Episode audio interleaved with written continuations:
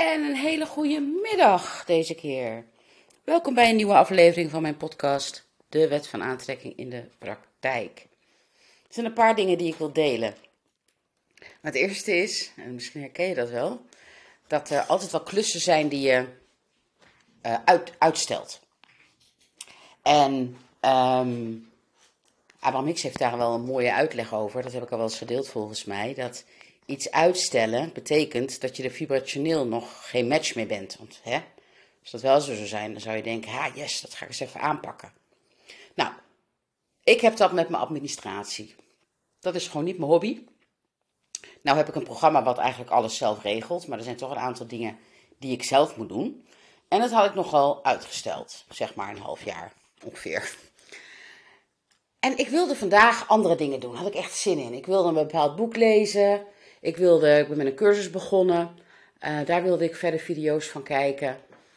Maar toen keek ik in mijn agenda en toen zag ik dat ik nou, met enorme grote koeienletters bij vanmorgen had geschreven administratie. En ik dacht, oh ja, dat zou ik doen vandaag. Hmm, nou, ik denk, weet je wat, ik ga weer op de bank zitten. Kopje koffie. Ik had uh, Abraham Hicks nog aanstaan op YouTube. En ik bleef daar gewoon even naar luisteren. En dan ondertussen bedacht ik me, ja, wat, waar zal ik me nou het meest voldaan over voelen? Als ik die cursus ga kijken, dat boek ga lezen, of als ik mijn administratie ga doen? Of in ieder geval een poging daartoe aan. Ik denk, ja, dat is toch die administratie. Ik denk, nou, weet je wat? Ik kijk gewoon, ik begin gewoon en ik zie het wel. Als ik me frustreert, als ik er zagrijnig van word omdat ik het niet snap, of omdat het niet snel genoeg gaat, dan kan ik er altijd weer mee stoppen. Dus ik zat lekker op de bank met mijn laptop op schoot. Abraham Hicks bleef aanstaan. Het was op dat moment kwart over negen volgens mij. En ik begin met mijn administratie. En ik vloog er doorheen. En voordat ik het door had, was het kwart over twaalf. En was alles klaar van het hele half jaar. En ik had er lol in, want het ging goed, kon alles vinden. Normaal kan ik nooit wat vinden. Dan ben je natuurlijk niet um, een vibrationele match. Als je het niet kan vinden, hè, dan word ik zagrijnig, ga ik me irriteren. Ik vloog er doorheen. En denk ik, oh wauw, dat is weer zo. Make the most of now. Doe de dingen op het moment dat je voelt, ja, nu. Nu doe ik het. Nu krijg ik er positieve energie van. Nu trekt het me niet leeg en nu word ik er niet zagrijnig van. En um, ik ben benieuwd in hoeverre je dat herkent en of jij dat ook zo aanpakt. Eerst je vibratie verhogen en dan kijken, oké, wat gebeurt er als ik het nu doe? Nou, dat doe ik met de meeste dingen. Ook met mijn huishouden. Voorheen was het zo dat ik alles eerst tip-top in orde moest hebben in huis. Huis moest op orde. Stofzuigen, dweilen, douchen, aankleden, opruimen. Je kent het wel. En dat heb ik tegenwoordig ook omgedraaid. Omdat als ik net ontbeten heb en ik ben nog zo naar Hicks aan het luisteren, dan heb ik het meest zin om te werken. Of het nou een podcast opnemen is, een, een, een training schrijven of wat dan ook. Dus mijn huis is nog steeds een zoortje, heb ik nog steeds geen zin in. Maar het kan me niet schelen, want ik heb mijn belangrijkste taak voor vandaag al gedaan. En niks kan mij meer uit dat goede humeur brengen. En in die hoge energie ga ik straks misschien wel mijn huis doen en denk ik, oh heerlijk, dat is ook klaar. Dus ja, dat is gewoon even een tip. Misschien, uh, misschien werkt het bij jou ook zo. Even een slokje hoor. En iets anders wat ik wilde delen, daar ben ik afgelopen week ook met mijn klanten mee bezig geweest, is het begrip empathie en compassie. Wat is empathie en wat is compassie? Nou, ik ben, zoals ze dat zouden noemen, heel empathisch. Um, Eigenlijk al mijn klanten ook. Dat is niet zo raar, hè? want wat je uitzendt trek je aan. Um, als je Abraham Hicks over empathie hoort, is het het volgende. Empathie is, je ziet dat iemand uh, heel verdrietig is, of je kijkt naar het journaal en je ziet daar um, allemaal slachtoffers van oorlogsgeweld, kinderen, drama, dierenleed, noem het maar. En jouw vibratie zakt enorm, omdat je je heel beroerd voelt bij wat je ziet. Dat is empathie. Abraham Hicks noemt het sloppy thinking, slordig denken. Omdat jij dus je omstandigheden laat bepalen hoe je je voelt. En als jij jouw vibratie zo laat zakken, en je wil bijvoorbeeld een vriendin helpen omdat die helemaal in de penarie zit, ja, in hoeverre ben jij dan tot hulp?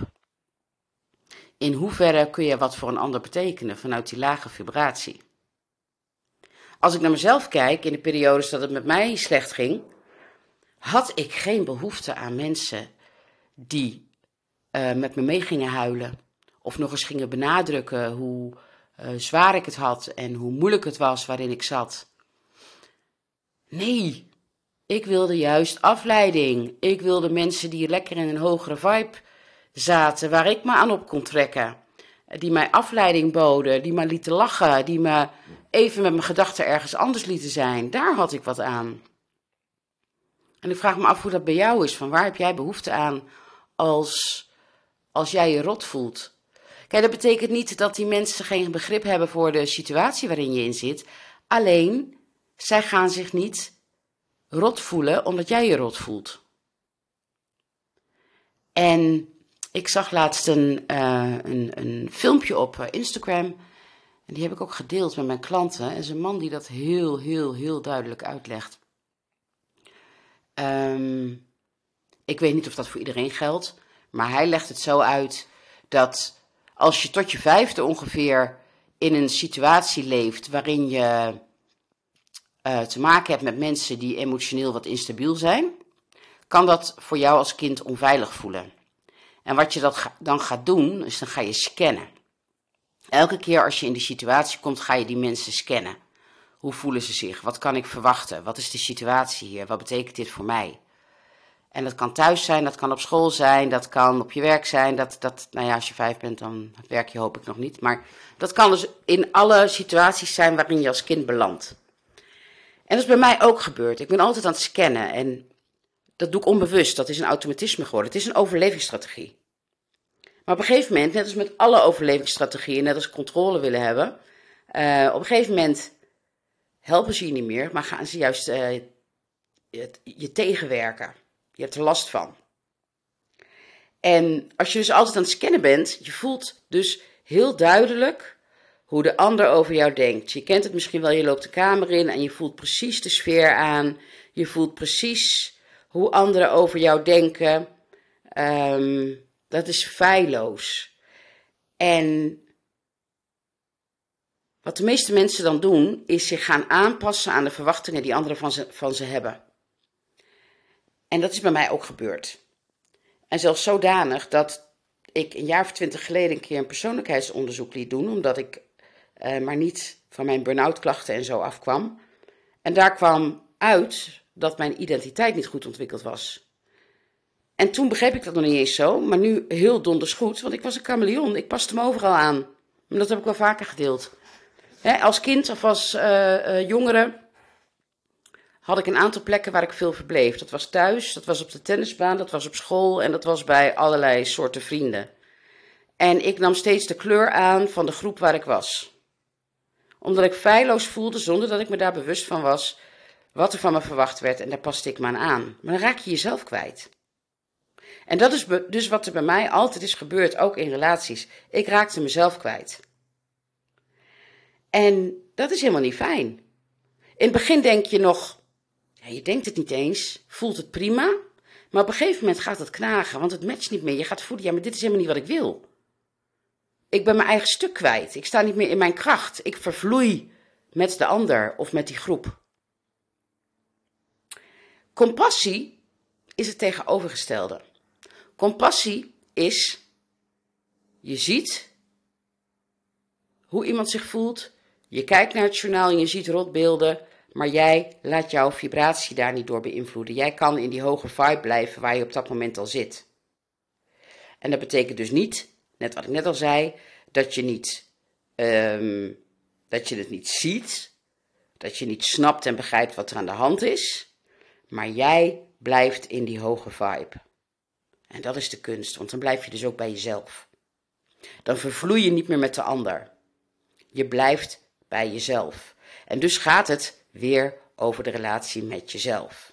En dat is weer die make the most of now focus. De make, make the most of now focus is bij elke beslissing die je neemt waardoor je je wat beter voelt, zet je een stap richting jezelf. En bij elke beslissing die jij neemt ten behoeve van de ander, maar ten koste van jezelf, zet je een stap bij jezelf vandaan en voel je je iets minder prettig.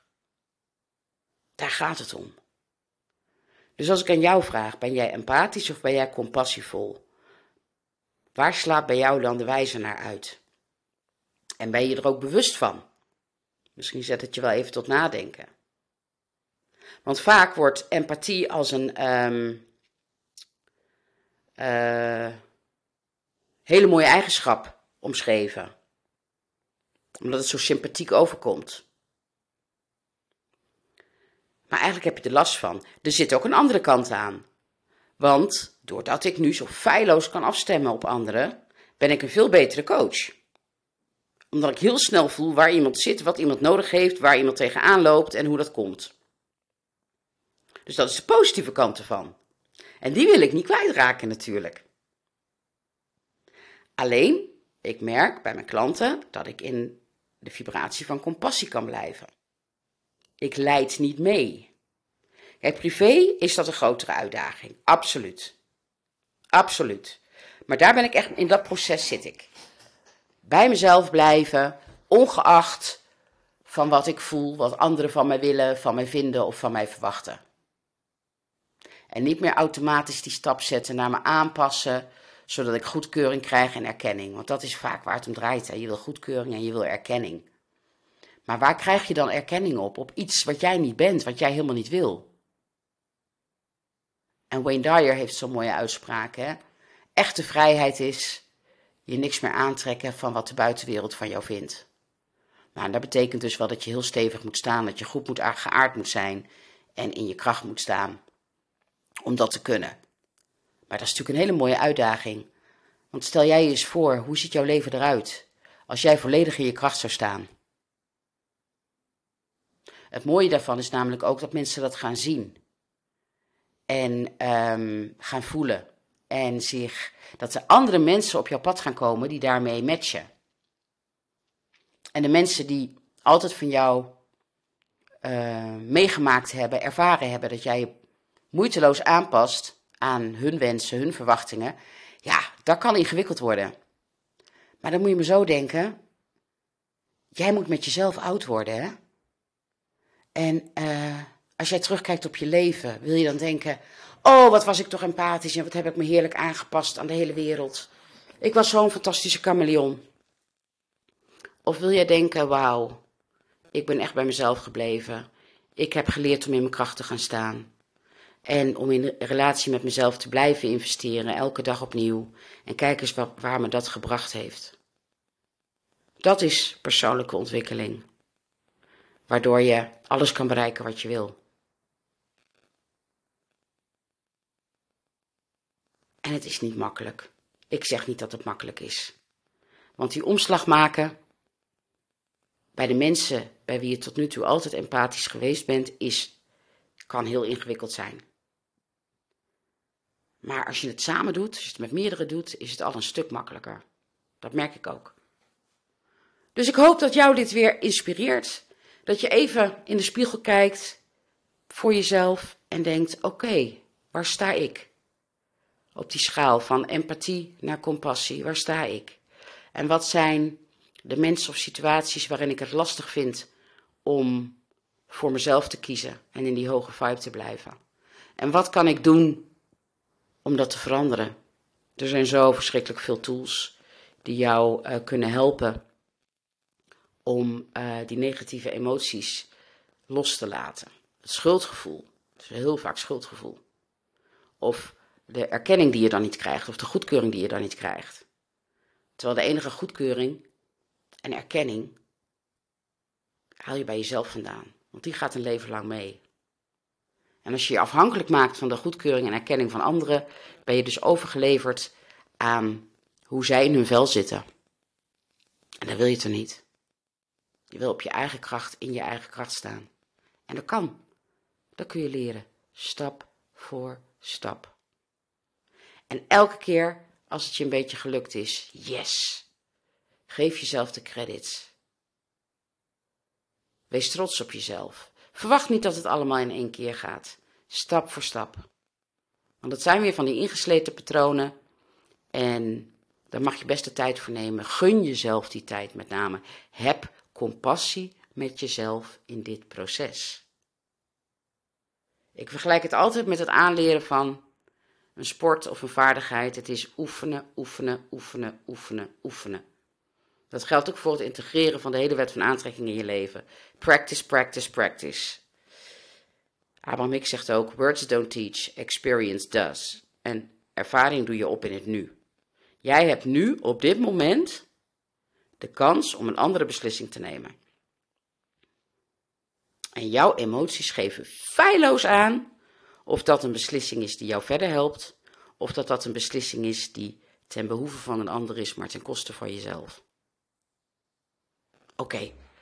Ik hoop dat ik je weer een beetje geïnspireerd heb op deze vrijdagmiddag. En dan zou ik zeggen, geniet van deze vrijdag en van het weekend. Heel fijn weekend. Make the most of now. En tot gauw.